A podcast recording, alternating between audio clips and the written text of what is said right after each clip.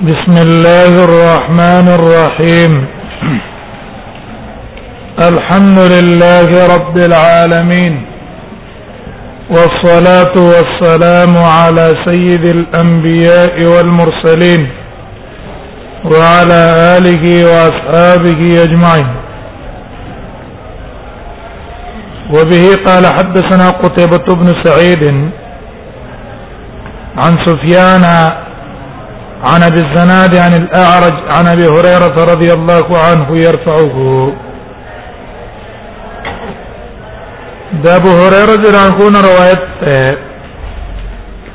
يرفعه چې دا حدیث مرفوع کړی دی رسول الله صلی الله علیه وسلم ته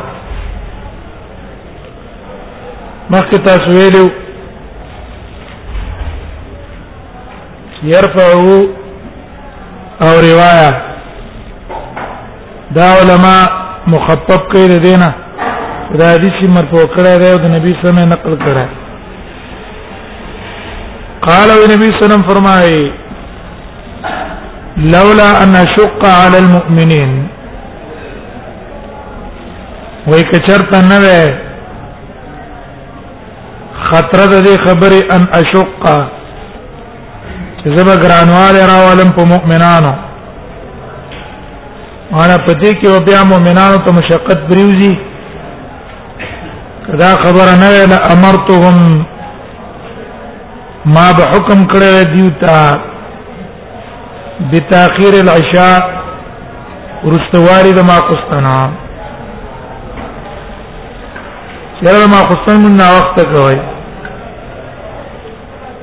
تاخير العشاء باندې به امر ته کوم وخت پورې کړه بعض روایتونو کې نسبت الليل لاغله او بعض روایتونو کې لا ثلث الليل لاغله او وبالسواك او ما به ته حکم کړو په مسواک عند کل صلاه د هر مانځ سره لولا دا لولا د څه لپاره استعمالېږي امام بیزاوی وایي وی لولا چې د کلمه تدل على انتفاء الشيء لثبوت غيره كلمه تدل على انتفاء الشيء لثبوت غيره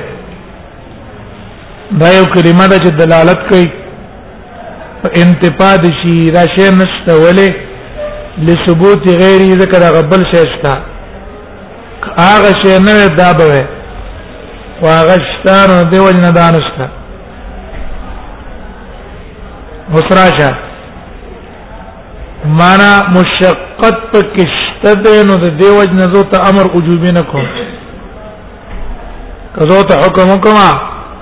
چې دا مونږ به ما خوستن سلسل لیل یعنی سلسل لیل ته ورستو کوي مسواک به هر مانځ سره ووي نو په دې کې مشقت نو وجود د مشقت د وجنه امر وجوبي من نه کړه لا امرتهم امرنا مراد امر وجوبي ده ما به دې ته حکم کړی وې وجوبا وجدا دا چې د مسواک استحباب وسم شته مسواک هل پکار دی او هغه فضائل په حدیثو کې راغلي یو روایت کې دی چې مون سره په مسواک باندې وکي دا غوړه ده هغه مانځنه چې په مسواک کې په ویا درجه بل روایت کې دی هغه مون چې زه په مسواک باندې وکم دا ما ته محبوب دی دا هغه مانځنه چې په مسواک وکړی شي او په لګه کم کړ نو هغه مونږ ته دا غیر محبوب دی مزه کده دا شور نه کوي صرف مزه کا ولا امرتهم بالسواك دا ګوره دې حدیث نه بل مسله معلومه شو اصولي حدیث دلالت کوي په یو دوه مسلو اصولي وبانه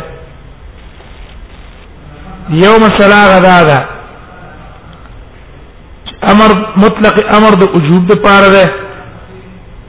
او کنا مطلق امر د استحباب د پاره ده په اختلافي مسله ده راجع قول علماء دا ده چې امر د پار د وجوب ده مطلق امر د پار د وجوب ده دلیل دوی دا حدیث په دلیل ده ولی یو وجه دا ده چې ګوره دلته نبی صلی الله علیه وسلم نه پیډ امر کړي چې لا امرتم ما به ته حکم کړي وې او نبی صلی الله علیه وسلم امر کړی نه دی نبی صلی الله امر کړی نه دی دا امر ته معنا څه ده لولا نشق على امتي لامرتهم د دې معنا څه ده عدم امر نبی سلام امر د مسواک نه کړه سره د ثبوت د نبویت نه مسواک اوس مستحب ده قران او حديث کې هغه ته ترغيبات راځي دي او نبی صلی الله علیه وسلم په امر نه کړه نو که امر د استحباب د پاره وې بیا په کاردار چې مسواک مستحب نه وي ځکه رسول الله صلی الله علیه وسلم امر په مسواک نه کړه کنه نبی صلی الله علیه وسلم امر په مسواک نه کړه که امر د استحباب د پاره وې د وجوب د پاره نه وې صرف د استحباب د پاره وې لکه باج علما چې دا وایي بیا په کاردار چې مسواک وهل مستحب نه دی حال دا چې مسواک وهل مستحب دي او سره دغه نه چې رسول الله صلی الله علیه وسلم په امر نه کړی دا دلیل شو دی چې امر د پاره د وجوب دی امر د پاره د وجوب دی طریقه د استدلال پیښو یو حاصل دا شو چې په دې حدیث کې سراغله نفي د امر راغله د مسواک نبی صلی الله علیه وسلم په مسواک امر نه کړی او مسواک وسه مستحب ده مسواک هل وسه مستحب ده نو که چرته امر د استحباب د پاره ده د وجوب د پاره نه ده په کار دا چې به مسواک مستحب هم نه ذکر رسول الله صلی الله علیه وسلم په امر نه کړ دا دلیل شو دې خبره چې امر د پاره د وجوب دی نه د پاره د استحباب ها که استحباب د پاره من اخلو یو قرینه صارفه و موږ سره موجوده دویم طریقه د استدلال هغه دا ده دلته نبی صلی الله علیه وسلم امر د پار علت مشقت وګرځاو لولا ان اشق على امتي لامرتهم وای کما په امت باندې مشقت او تکلیف نه محسوسه ولا ما به امر کړه غه نو نبی صلی الله علیه وسلم د عدم امر د پار علت مشقت وګرځاو نو پته اولګه دل چې په دې امر کې مشقت ده امر کې څه ده مشقت ده او مشقت په وجوب کې نه په استحباب کې مشقت په چا کې وجوب کې ځکه په وجوب کې لزوم دی په استحباب کې مشقت نه ځکه استحباب کې جواز دی کې وې کم نه کې مې کوا او په کوم امر کې چې تخیری پاک مشقت نه مشقت په لزوم کې طریقه استدلال نه راځي نبی صلی الله علیه وسلم وايي لولا ان اشق على امتي لامرتهم بالسواك او بتاخير العشاء په دې تاخير د عشاء کو په مسواک ز امر او کمان په دې امر کې مشقت ده امر کې سره مشقت ده نو پته ولګي دلا چې امر کې سي مشقتي او دا مشقت لازم د وجوب سره ده نه د استحباب سره ځکه په استحباب کې تخیری کې وې کني مکو مستحب کې څه ده اختیار ده کې وې کا ثواب ده نیکه سزا پکې نشته عذاب پکې نشته او په امر په وجوب کې لزوم د خامخا به کې کوو دې نه کو تا ته عذاب ملاويږي نو دا دواړه دا دو سببونه د وجنه دا حدیث دلیل شو په دې چې مطلق امر د سره پاره شو د وجوب د پاره یو قاعده اصولیه شو اصولي قاعده باندې ورسېږي ګوري کړه راشوا آیا مطلق امر د پاره وجوب ده او کنا مطلق امر د پاره د استحباب ده د اختلافي مسله ده په مابین د اصولینو کې یو مذهب د اصولینو دا ده چې مطلق امر چې قرینه صارفه پکې د وجوب نه نو دا د استحباب د پاره ده مطلق امر چې راشي دا د پاره د استحباب به د امر به مستحب وجوب د پاره به علم من اخلو چې کله دا غي سره قرینه موجودی په وجوب باندې او په وجوب باندې سره قرینه موجوده نه و نو دا امر مستحب ده دویم قول د اصولینو دا ده چې نه مطلق امر د پاره د وجوب ده قران حدیث کې چرته اوامر مطلقه رال نو هغه حکم به واجبي امتثال هغه حکم به واجبي که استحبابي معنا من اخلو نو د یو قرینه صارفه د وجنه به اخلو استحبابي معنا من اخلو د چا د وجنه به اخلو د یو قرینه صارفه د وجنه به استحبابي معنا اخلو او دا مذهب راجح ده د رجحان لپاره یو دلیل لاره یو دلیل دا حدیث ته د حدیث کې منګه په دوه طریقو استدلال وکړو په دوه طریقو چې مطلق امر د پاره د وجوب ده یو طریقه د استدلال هم دا وکړه وردل رسول الله صلی الله علیه وسلم نفی د امر کړي چې ما امت ته امر په تاخير د عشاء او بسواک عند كل صلاه نه ده کړه ولې په دې کې مشقت ده نه مې کړه د وجر مشقت نه نو نفي د امر رااله که مطلق امر د استحباب د پاره شي نو نبی صلی الله علیه وسلم امر او نکړو نو پته اولګه دل چې مسواک مستحب نه ده حال لا چې مسواک مونږ ټول قائل د استحباب چې امر مسواک مستحب عمل ده دویمه طریقه استدلال لا شوه دلته رسول الله صلی الله علیه وسلم علت د امر د پاره مشقت او خودو چې په امر کې مشقت ته مشقت هر امر کې څه مشقتي نو نبی صلی الله علیه وسلم په تاخير د عشاء او په مسواک وهر هر مانځ سره ما امر زکه نه د کړه چې په دې کې مشقت ته په امت دې کې څه ده دا امر مستلزم دی مشقت لاره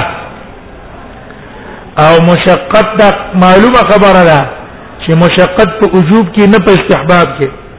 مشقت په وجوب کې نه په استحباب کې ول استحباب کې تخیر کې ویکا نه کې مې کوا پای کې تخیر دی نو دیو جن پای کې وجوب نشته یو مسله او مشقت صرف وجوب کې ده خامخا به کې دا یو اصولي مسله د حدیث ته معلومه شو دغه مسله اصولي چې هغه اختلافي ده د علماو منځ کې هغه ته ویل کی اجتهاد د نبی صلی الله علیه وسلم احکام کې اي نبی صلی الله علیه وسلم د پاره اجتهاد کول جایزو په یو حادثه او واقعه کې چې کړه د الله د طرف نه به هغه ته وحی نه وراغله او کنا پیغمبر له اجتهاد جایز نو صرف هغه مکلف په ځبانه په وحی باندې چې بس تر څو پورې د الله امر د تنی شي تر هغه وخت پورې بدن اجتهاد کوي او نه به کومه فیصله کوي بلکې صبر به کوي صبر دا اختلافي مسله د علماو منځ کې چې آیا نبی صلی الله علیه وسلم اجتهاد جایز وکنو ځکه ظاهر د حدیث څخه معلوم شو لولا نشق على امتي نبی صلی الله علیه وسلم زما اجتهاد دار زما اجتهاد چې په دې امر کولو پرستوالي د مانزه د ماقستن نصف الليل ته یا ثلث الليل ته او دا امر کول په مسواک هر مانزه سره نو په دې کې زما اجتهاد دا دی چې په دې امر کې مشقت ته نو د دیو نه زو امر کومه نو معلوم شو اجتهاد کنه د په دې اجتهاد کې ابن رسلان سلو قول العلماء نقل کړي حاصل دا ده یو قول دار الجواز مطلقا نبی صلی الله علیه وسلم د پار اجتهاد مطلقا جایز کاغه د امور د احکام شریعه سے تعلق لرلو امور شریعه سے تعلق لرلو او کداغه تعلق د امور د حرب سره جنگي امور کې نبی سم اجتهاد کو او په امور شرعیو کې نبی سم اجتهاد کو دا ورنه قول له ها کله به اجتهاد کوي نبی صلی الله علیه وسلم حق ته ورسېدو کله به خطا شو بیا د نبی صلی الله علیه وسلم دا اجتهاد دا چې شرع شوی نه دا رست به الله به وحی راولې غلا ک اجتهاد به سيو نو وحی براله د پاره د تایید د اجتهاد چې دا ستا اجتهاد صحیح دی نو امت ته برا نقل شو پیشیت د شرع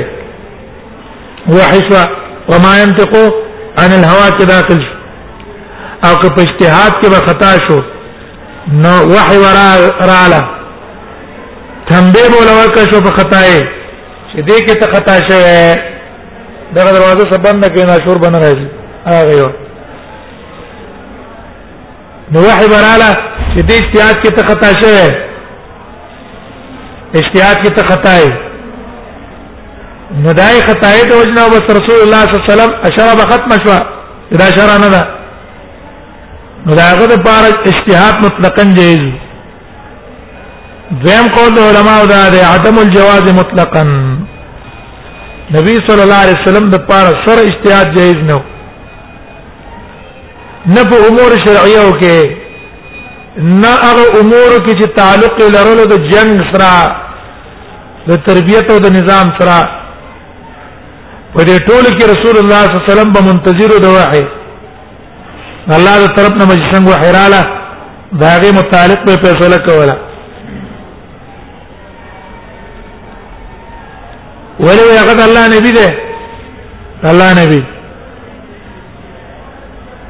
دریم قول له چې الجواز فی الحروف والآراء دون الاحکام په مشوره کې او د جنگونو متعلق نبی اسلام اجتهاد کولای شو لیکن په احکام شریعو کې رسول الله صلی الله علیه وسلم مکلف د امر د الله باندې دا الله امر ته تر څو پورې شوی نه دی به عمل نه کوي او څلورم قول توقف ده چې موږ هیڅ نه وایو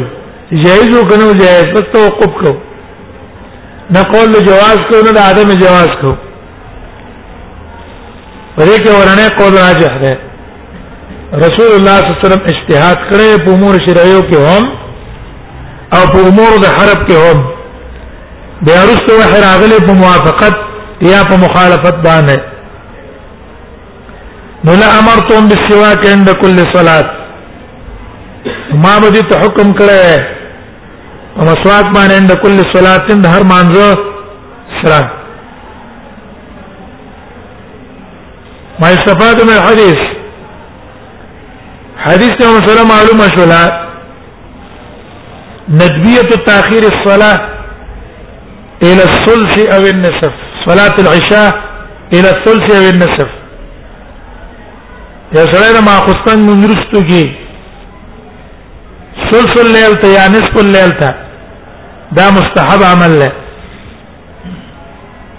حکمت په دې کې څه ده حکمت پکې هغه ده الله مونږ کوونکو ته فضیلت د انتظار او صلات ورکی مونږ کوونکو په مانځ په انتظار ناشې صلی الله علیه وسلم ته دې ته الله اجر او ثواب د انتظار ورکی ته پیدا پکې دا ده دیم د حدیث نه معلوم شو ندبیت السواک عند اراده الصلاه یو سره د مانزه اراده وکي نو په هغه ټیم کې مسواک استعمالول دا مستحب دی دا مستحب دی حکمت پکې دا ده چې عبادت د الله په جمال او په خواهش او ډول ساده کی تكون على جمال عند العباده په وخت عبادت کې پاک صفا الله ته ودرېږي دا حکمت ته وکړي دریم د حدیث معلوم شولو شقت النبي صلی الله علیه وسلم بالامه د نبی صلی الله علیه وسلم په امت باندې ډیر شفقت وو مسواک امر نه دی کړی نبی صلی الله صلی الله علیه وسلم او نه د مانزه درستوالي امر یې کړی دا د دې د پاره چې امت ته په تکلیف ملاو نشي بل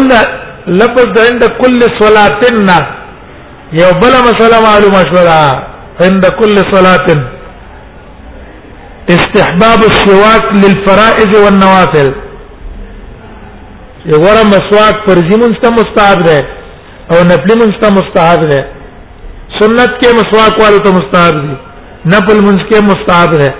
او که فرض مونږ کې مستحب ده دا ته معلوم شو دلیل په عموم د حدیث ته عند کل صلاه او کل صلاتن شامل له فرائض نوافل دوانو ته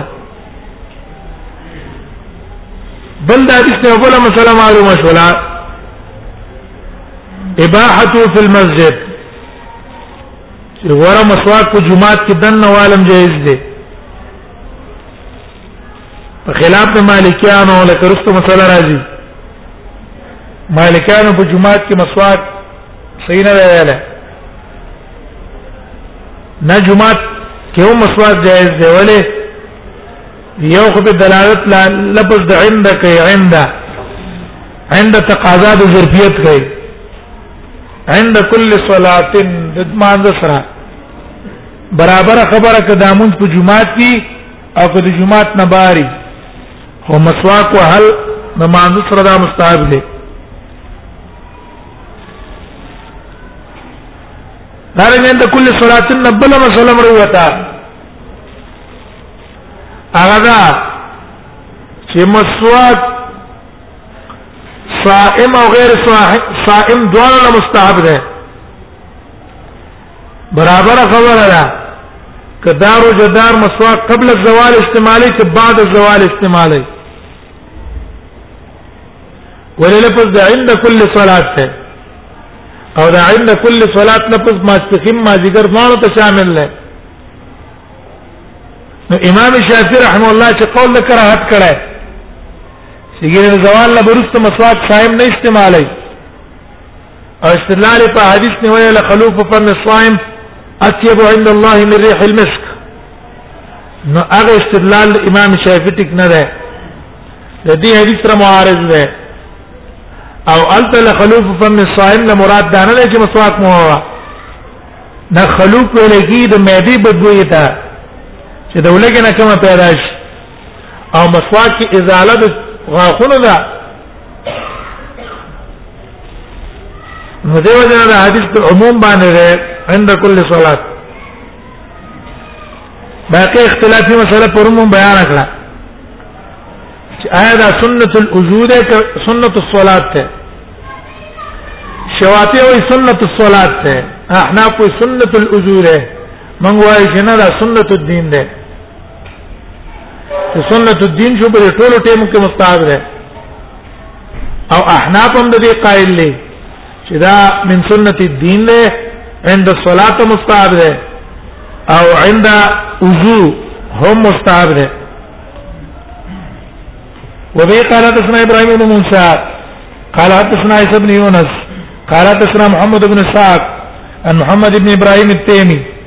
عن ابي سلمة بن عبد الرحمن عن زيد بن خالد الجهني زيد بن خالد الجهني روایت ہے زيد بن خالد الجهني قال أو سمعت رسول الله صلى الله عليه وسلم وما رسول الله صلى الله عليه وسلم يقول النبي صلى الله عليه وسلم فرمائل لولا انا شق على امتي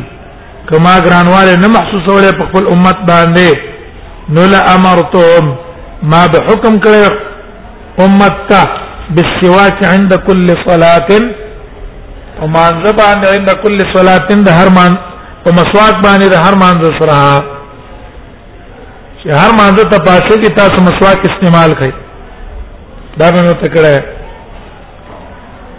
زید ابن خالد زید ابن خالد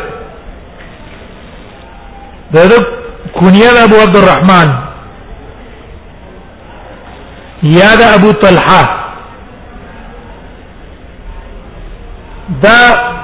نبی صلی الله علیه وسلم څخه حدیبی جنگ ته حاضر شوی دی شهید الحدیبیه او اصحاب الشجره نه ده نبی صلی الله علیه وسلم سره شجره شجره الرضوان لاندې بیعت کړو او په صلح حدیبی کې د جنډه د جوهانی قبیله وا د فتح د مکی کې د جنډه د جوهانی قبیله وا هغه پورته کړو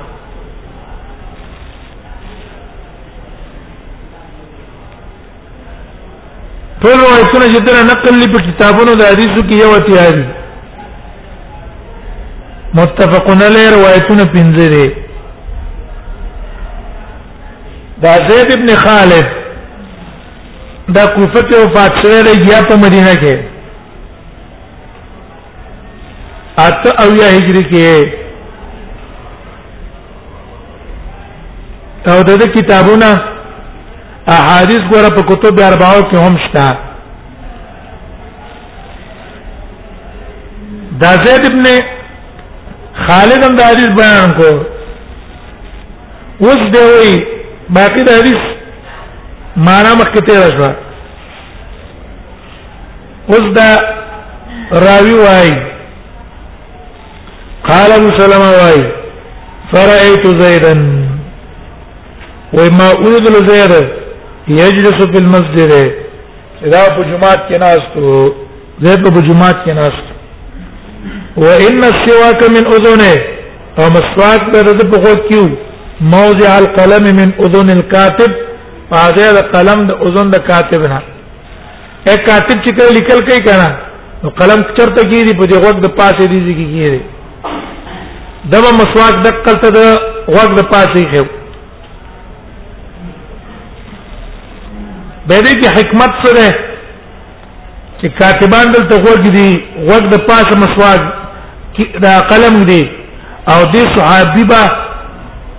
د وخت د پاسه دا کې قصتو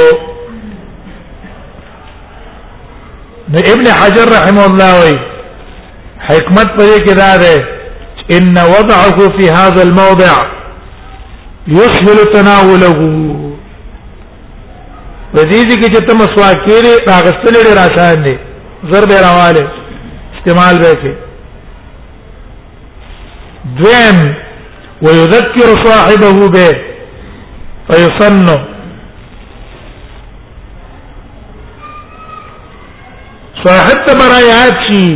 یاله کده مانځه ټیم نه مسواک وال پکار دی نشته مسواک په استعمال کې بدلت په دې روایت کې د زید ابن خالد الجهني د دې صحابي عمل نقل کو چې هغه دا کار کړی خطیب چې برانه کېدل دی خطیب هغه د ابو هريره رضی الله عنه نه روایت نقل کړی دی چې دا د ټولو صحابه طریقه وا ټولو صحابه هغه و مسواکونه په دې غوږی خوستا معلوم شو دینه چې دا غړ غړ مسواکونه نه وو لیش مسواک په غوږ څنګه کېږي او اړو اړو مسواکونه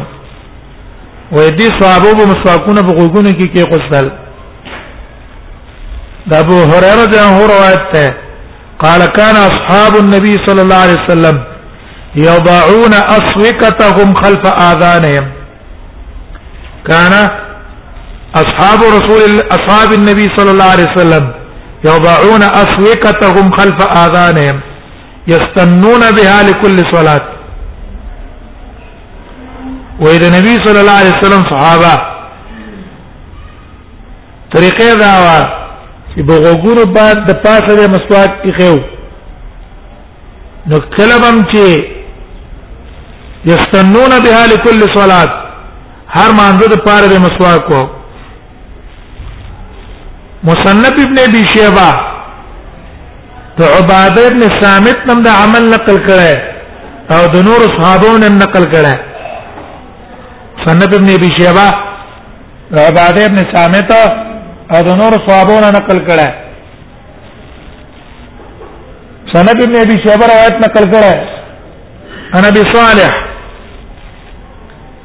انا ابي صالح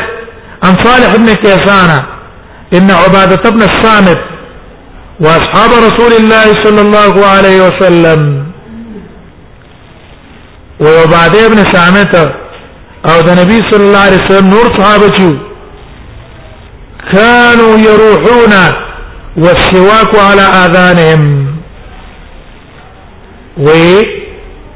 منزله بتلا او مسواک په دې په غوګونو باندې وو دا معلوم شو چې دا سنت طریقه دی ټول وا ها یو روایت کې د زنانو عملم نقل کړه چې زنانو به په پورونه پورې مسواک تړلې لوپټا د لوپټې په یو پیچ کې په طرف پورې مسواک تړلې او کله به چې مانځه ته پاتې دي مسواک به و نو دې نه معلوم شو چې ګوره مسواک کې هر مانځه سوال ہے دلیل شو د پاره د جمهور علماو کلمہ قام الى الصلاه استاکا نو کله به چې مانځه ته پاتې د مسواک په استعمال کو حدیث دلیل له مستفاد من الحديث حدیث نه معلوم شو چې مسواک وهل دا سنت ته ثابت ته عند القيام الى الصلاه سنه ثابته عند القيام الى الصلاه دا یو مستقل سنت ته چې سړی مانځ ته پاتېږي وی وی غره خبره مخکې مون بیان کړه احناف علما چې کوم وی چې ورته سنت وضو نه ده او مسواک په وخت دا د اسک کې ځکه ټیک نه ده چې دا مزنه ده په اړه د زخمی کېدل د وری مزنا د پار د څه د زخمی کېدل د اوري او خروج د دم او ناقص ده دا قول دا غي کمزور دی ګور دې صحابو د امک موږ بیان کړی دی په جمعاتونو کې دنه واله مولا قاری صاحب نور علماء را لګیدلی هغه به ویل دا یو خصوصي صحابي واقع ده یو واقع خاصه ده په دې باندې قیاس نشو کولای موږ دا خبره د کمزور ده خطیب سے قول موږ نقل کوی دا د ټولو صحابه ابن ابي شيبه کوم نقل کړو عبادم دا طریقه او دا اصحاب د نبی صلی الله علیه وسلم دا طریقه دیو جنا واقع خصوصا خبر غلطه ده بلکې ټول صحابه دا کار کړي خبره د مذهب نه ودانګا نه او دانګه مذهب نه او دانګه چې ما دا مذهب سره دا خطا ده حدیثونه ما دانګه مذهب ته پرې راځي مذهب والا خطا دي چې څه کوم دا یو صحابي عمل نه ده دا ټول صحابه عمل ده دیو جن دا قول احناف کمزور دی منګه څه کو منګه احناف څه کو شو اپې څه کو مالکیان څه کو والله باندې احادیث په څیر بروالي چې په کوم باندې الله موږ مکلف کړي نو مکلفي په الله باندې په ایمان راوړل او رسول الله په تابعداري په دې موږ مکلفي په دې نور موږ مکلف نه یې نور مکلف نه یې په دې نور مکلف به غړت علماء دې موږ لا پیژنم نه شعبي محمد ابن سیرین اوزاعی هغه د علماء د امامانو مخکې تیر شي ربيعه الرائي د امام حماد ابن ابي سليمان د امام بونی په استاد هغه په څه به ول نه زی هغه په څه به ول نه زی چې موږ په دې سره مکلف کیږو ډیر هغه ټاګ علماء په څه ول نه زی غوړغه مکلف نه قد هذا چې قران او حدیث ته غاړه کېدا دې جاخو ما خونه بخلاصي حدیثونه به جوابونه نه کوي دې سنت به جواب نه کې حدیث به شي به زید مذهب نه به جواب کې چې دا مذهب کمزور دی تعویل ته ضرورت ته چې به زید تعویل نه کو زم دا حدیث معلوم شلو چې مسواک ور په جمعات کې مشروع دی لکه مخکې مونږ ویل بعضی مالکیان نه قول کراهت نقل لري چې مسواک په جمعات کې نه وي په جمعات کې مسواک وهل دنه مکروه دي ولی وې مسواک مستقذر دی خلیت استعمال کې لاړې براش او مسجد به دې شي نه ساتي مستقذراتونه به جمعات څخه کې اوبه ته منزه کې بچ کې به ته لیکن دا قول لري کمزور دی دا قول دې سره کمزور دی ولې مخکې من ثابت کړه چې زید ابن خالد عباده ابن صامت او اصحاب رسول الله كلما قاموا الى الصلاه يروحون الى المسجد جمعه تبلال مسواک به بغوګونو باندې ایخو او یستنون كلما قام الى الصلاه مانځه ته بچ پاتې د مسواک به وو ابو جماعت کې دنه مسواک استعمال کړی دی او په دې کې چې استقدار شته دی نه آثار د صحابه دلالت کوي په دې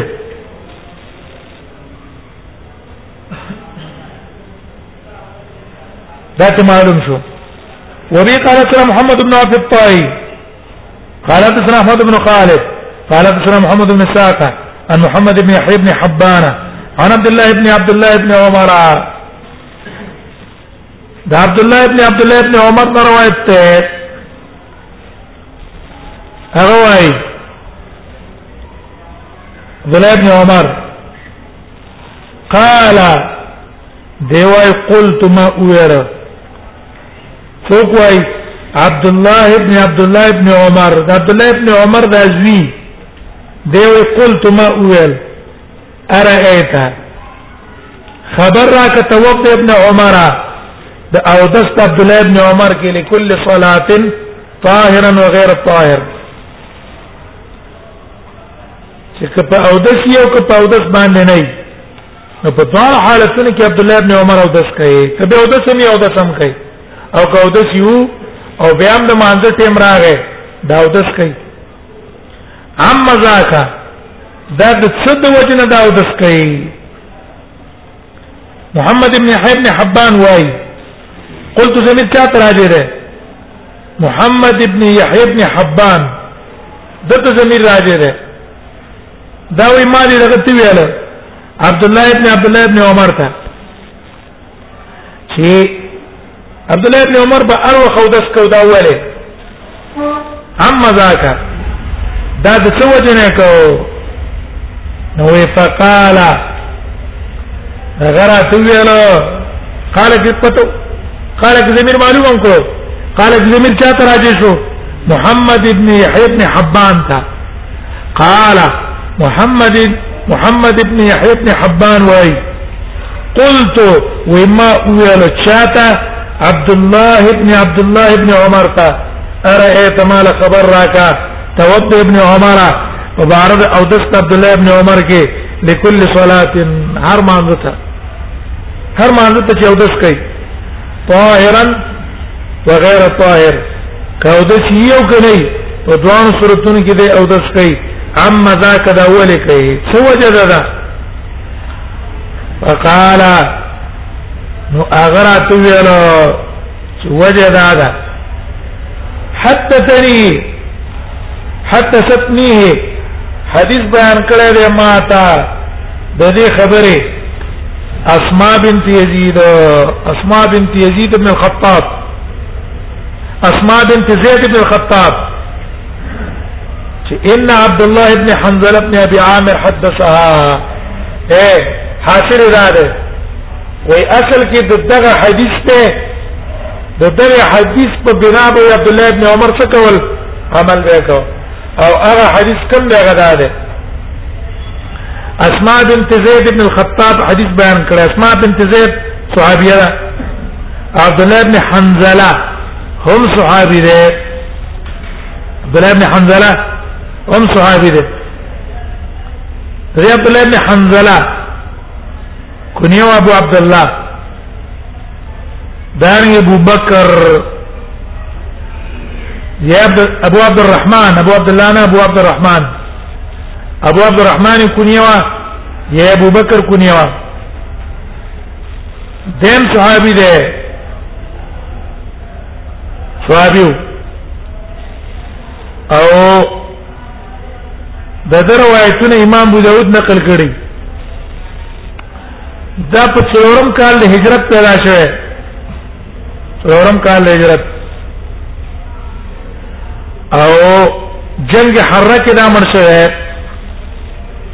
په درش په تم کال د هجرت سبب دا و د جنگ حره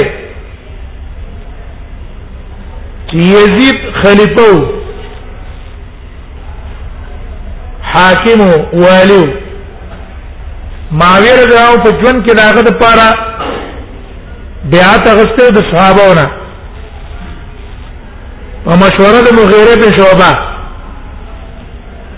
او غرض د مغیره بن شعبہ داو چې اسنه د معاویه د مرګ نرسته به انتشار پیدا نشي لکه د عثمان د مرګ نرسته انتشار پیدا شو علی او معاویه جنگي دو جنگ جمل لاغه جنگ سپین راغه بیا د حسن او او د معاویه من کې جنگو به د اتفاق راغه نو اسنه چې به به اتفاقی او به اختلافي پیدا شي نو دا دې چې رته یو ځان لتن منتخب کا چې ټول په ژوند کې داغه نه بیعت واغستره شي استاد مرک نرستو هغه په مسند د خلافت کې نه او یزید یې متوخولو معاویه را اولګېدلو استه په جون باندې د هغه لپاره بیعت واغستو هغه رايوا وعام علما وايي چې انتخاب خود یې قنوا په کاردار چې دغه څه فریقه اهل الحل والعقد را لګېدلې او خلیفہ منتخب کړي د یزید منتخب کو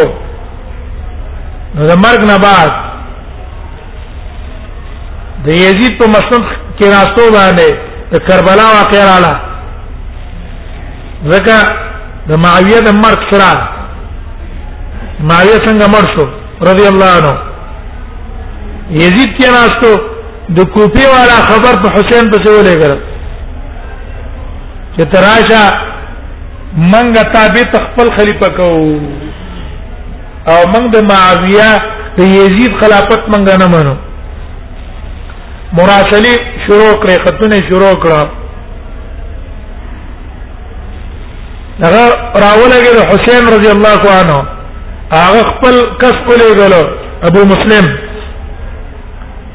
کمه د ترزیو تلاش معلومات وکړه اجي کوپی تلاو خلق ډېر غټ استقبال وکړو او یا زره کسان استقبال وکړو او ټول څه تیار شي چې موږ په مرګ باندې تیار یو هغه خطر اورېږو چې ما څه کسان تیار دي تراشه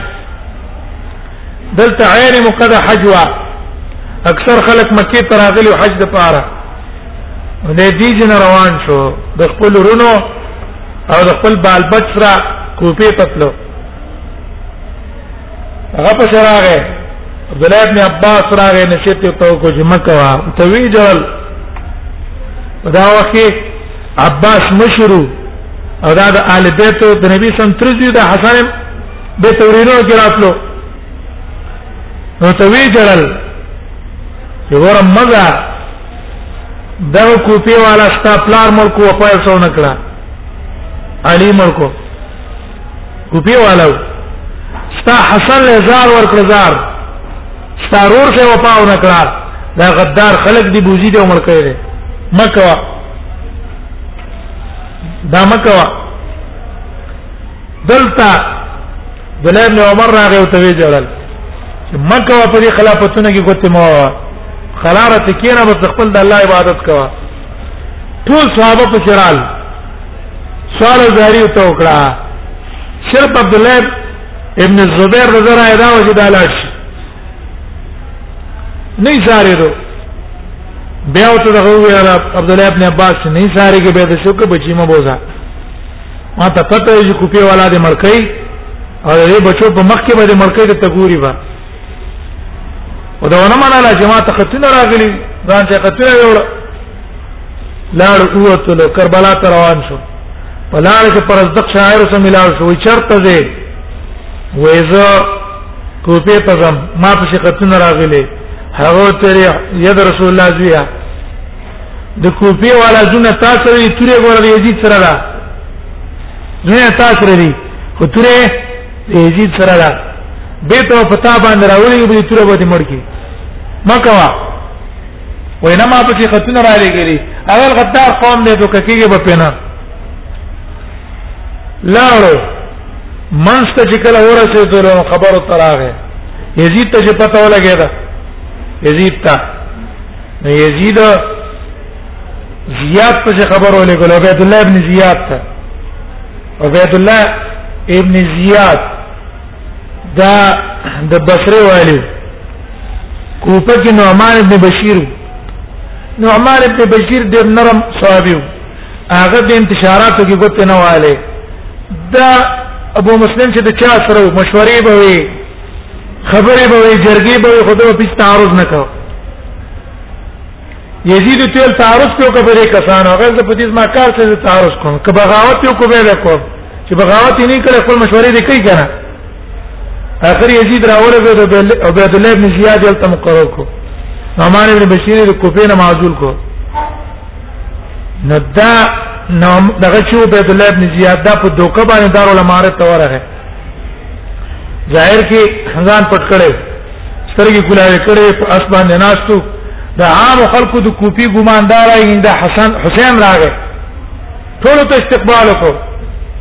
خپ استقبال چې دا خو مونږ ته حسین راغی دې دن نظر ول مارې تن وته چې نه وته دا غي نه رست بیا هغه شروع کړو اخر دا ده چې مسلمه کم چې دلې غلې هغه شهید کو او کوم ډله چې وا یو تنه مسلمان درې ټوله ته تختیدله څنګه جنگ تر مسلم جنگ تر وته جنگ کې ټول ته وتختید په میدان کې ځان لپاره خوش اخر دی وتختید په ګړې کو کې پناه واغستا ابوړې مجبور شوسته او خود غیره کو شهید حسین ته خبر په لار کې راغی چې تا کوم کس لګلې وغه شهید کړو او کسان د نوښتې دي حسین او سریان شو څو کما واپس مدینه ته لاړ شم څو کم د مسلم چې کومرونه وسرال هغه اوس بزو موږ به خپل بدلا اخلو حسین د هغه د وجه نه لاړو کله کربلا ته ورسېدلو نه یزید تک عبید الله ابن زیاد ته کسان را لګل مقابله ته دی حسین رضی الله عنه ته خطونه را کار کړ پلان کیا پلان کیا پلان کیا تا دا خط نه را لګل تا دا خط نه را لګل ویل موږ دا خط در لګلې ده اوس خبره الټه ده اوس بیا تسلیمي ګو عبد الله تا عبد الله ابن زیاد په لاس په بیعت کې او کني بس موږ تاسو جنگ کو اول درې خبره یا ما به تفریدی مدینه ته ځم یا ما ته اجازه راکړي چې زه سرحدات ته وځم ال ته jihad کوم د الله په لار کې او یا ما ته په خپل اجازه کې شام تلاشم د یزید څخه په خپل لاس باندې په خپل بیعت وکم یزید سره په خپل لاس په خپل بیعت وکم او بیت الله ابن زیاد په خداوا چې د ما په لاس باندې بیعت وکي چې زما نمبر یې د یزید سره جوړ شي وینا دی یو قدم نه پرې چې تر څو پر زما په لاس بیعت نه کړه حسین زه د په لاس بیعت نه کوم کربلا کې جنگ راغې نو د ځامن ورونه تر دې چې څلور رونه د سیو چې د عبد الله بن زیاد خورانو خپل خور زامنیو په علي باندې واده وا عبد الله بن زیاد خور په علي واده وا څلور زامنیو په میدان کې عبد الله بن زیاد آ کسان ته چې ولغی دعوت ورکړي کله چې تسلیم نشلو جنگ وسو کوي اټول شهیدان شو تر دې چې حسین هم په کربلا کې شهید شو صرف زین العابدین ورکوټه ماشوم هغه پاتې شو داغه د کوپی هغه فساد نو دغه فسادات یو رااله درال دا مشوره او توکړه چې ته دا من انتخاب وکا یزید چې راغی او خدا نقصان نقصان ته وشو حسین شهید وکړو دویم د مدینه کې دا نقصان تر هغه عبد الله دغه چې کوم کنه عبد الله ابن الزبير دا به په مکه کې دا د یزید خلاف دا ونه د یزید خلاف کله جو معاویه رضی الله بیعت وا او سود درې کسانو سره بیعت نه کو څلورو سره نه کو عبد الله ابن عمر نه کو عبد الله ابن زبیر نه کو محمد ابن ابي بکر نه کو عبد الرحمن ابن ابي بکر د بیعت نه کو او بل حسین اونکو د څلورو کسانو بیعت اونکو او بیت عبد الله خو په مکه کې پاتې شو حسین خپل ته شهید شو په دې کې د مدینې نه دا صحابي لاړو د یزید خواته نو یزید را اولګېدو یزید د د اکرام او کو ځان ته ځامنم بوتلیو د د اکرام یو کو د پاره د مایل کولو یره د زړه نه پرتونه ختم شي مایل شي واپس چې راتلو په تحفه کې ولا پیسې هدیه مولا ورکړه مسجد څنګه مدینه تراغه مدینه کې وی جو الله چې یزید خود مسلمانانو بیت المال برباد کړ او کیت څوک ما ته جنگ کې ونه درېږي زه او ما دا ځامن به دې په خلاف باندې جنگ کوم استد یزید بیعت مات کو او دا هغه چې کوم ویلی په مدینه باندې هغه اونیو یزید ته چې پته ولګی چې مدینه والا بغاوت وکړو نو یزید را اولګېدل عبید الله ابن زیاد ته به خبر اولګو چې په مدینه باندې چړای وکا عبید الله ابن زیاد ته ویل چې دا یو لاس مې رسول الله دې اینو د نوسی پینو باندې ککړه دا بل لاس په مدینه باندې نشم ککړه ولا زړه تنظم دغه مدینه خو رسول الله جوار دی مسلم ابن عقبه ولا تیار شو هیڅوک نه تیار دی مسلم ابن عقبه تیار شو سره د پوجنا او راغه په مدینه باندې چړای وکړه دغه ته جنگ حره ویلا درې ورځې جنگ درې ورځې په مجموع کې اذان نو او ډېر قتلونه وشو دیو جن دی یزید دو دا شیعه کارنامې دي دو دا تورې کارنامې یو حسین د حکومت کې مړ شو شهید شو او بل مدینه باندې چړای د په دور حکومت کې وشو دا تور کارنامه ده ده که ار تور سپای موږ دی یزید وکړو خدا نقصان پکې ده دیو جن دی یزید په باره کې موږ دا خبره ده چې لا نعدله ولا نفسقه نه ور صفاتونه بیانو یزید دون کمال سره او دون سره فلان سره دا بم نکو اولا نفسق فاسق متنوعو یعنی یزید فاسق او فلان دا بو بس الله ته پریدو یو یو صحابي زیره تابعی ده یو مسلمان ده خکار نیم کوي نقصانات تم دي شي بس الله پیچو کاری پیش دا ولته وجدادا یو قدرت نقصان کړی دا نقصان ده او بد به ځکه نه وایو یو حدیث کې راځي ترابش ان شاء الله رسول الله صلی الله علیه وسلم د ام حرام کور کې پروت و غرمه ټیم کې وې غرمه ټیم کې نبی صلی الله علیه وسلم ادور اپاسه دو خندلې ما ته الله نبی ولې خان دی ولې خان دی وی ویل چې ما خپل امت پوری ویل يركبون سبا جهاز البحر کلملوک علی الفره دې دریا په منځ باندې روان دي چې ویل کده بادشاہانو غونډه کې چې په تختونو باندې ناس او کل كلهم وجبت لهم الجنه ټول جنتيان وای ما وې چې دعا وکړه الله نه جماعت وګرځي وې نبی صلی الله علیه وسلم بیا ود شو بیا را پاسې به خندل ما له الله نبی ول اوس خان دی وې بل چې مات مزما د امت نه ویل چې بلې دریا باندې روان دی او د شي له کده بادشاہانو غونډه کې او كلهم وجبت لهم الجنه علماء وی دا اول لقر چې په دریاب کې قسطنطینیه باندې حمله کړو معاویه او عثمان رضی الله عنه خلیفہ او دا دویم معاویه خلیفہ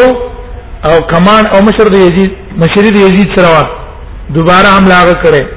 په قسطنطینیه او په دې باندې نګوره د حدیث کې کله موجبت لهم الجنه په کې څوک هم ده یزید هم پاره کې ده نو دیو جنا فاسق وته نه وای فاسق فاسق وته نه وای لکه دا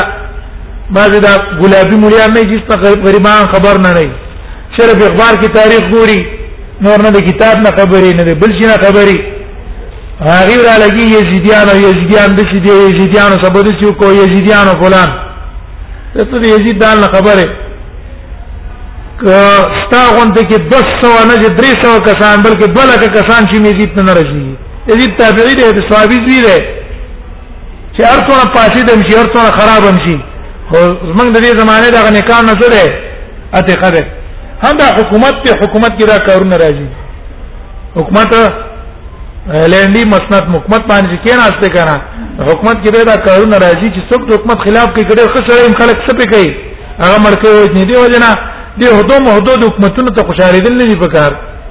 دا ځان غواړي چې راځه پاک شم لاس نه پاکي د چا په کینو باندې ککر نشي پنا کو هدو تم ودرېګا کو هدا دی واغه سلا غټه بس حکم به کې مړې کا قران کې دای کا کور ورن چې لکه چرته نه حق نه تویا نه کوم دیوال نه هدو ته خوشاري دل نه دی په کار بس کار کوا jihad هم کې عمومي طرز باندې کوا چا څو ورده بس کار وسکوا نو غټ هدو ته کوشش مکو ځان غټ هدو ته ورسو اخر به د شي ختمه باندې مبتلا شي چې دونه درجه ته به ورسېږي ته ځکه چې جنت ته نه ځم مړه اکثر به دونه درجه ته سره ورسېږي چې ما خو چې الله نه بخي دغه دونه قتلونه ظلم میکړه دا حکومت له هندونو کې دا راځي دا حنزله و دا امر حنزله چې کوم کنه نو جنگ حره کې دا به څه شلو سبب کې دې کې به شهید شو او سبب اثر کې دا و ټیک د یزیدم نقصانو لیکن د مدینه والم نقصان الکه یې کی خلیفہ او یو امن په جوړي او اتفاق پر رواني اسی بغاوت نه کول پکار چې سره چې بغاوت انتشار پیدا کی بغاوت انتشار په صورت کې پیدا کول پکار دي سمرو نتیجه تی جوړيږي سمرا او نتیجه تی روزي که سمرو نتیجه ته نه راوتله اسی بغاوت کول نه پکار چې موږ راولګیږو مثلا په دې ځکه چې پیدا موږ نشته او چې هغه جوړ کوو بس هغه سره عمل کوو دا عمل کوو چې پیدا په نه مرتب کیږي چې پیدا خو دې نه کنه هغه ځکه به کار کوي چې څه سمرا نتیجه په مرتب کیږي ویم مزاک وې دې را تعریف بیان کړه چې ان رسول الله صم عمر بالوضوء لكل صلاه من نبی سلام ته امر شوی په اودس هر مانځه ته طاهری او غیر طاهری فلما شق ذلك عليه کله چې دا کار په ګران شو او مې رب سوا کې لكل صلات هغه ته حکم کړی شو په مانځه په مسواک کار مانځه ته فکان ابن عمر یرا نبی قوه ابن عمر بدل دل چې ما ستاقت شتا سهار مانځه ته ورس کولای شم نو فکان لا يدع الوضوء لكل صلاه نو عبد الله ابن عمر بزکه او دسنه پر قصوار مانځه ته هر مانځه لپاره به زکه او دسکو شرکت از کولای شو ما په وس کې ده زما د وس نه بار نه ده نو دیو جن هغه به او دس کو مسله به تین ځله به سبا وباسو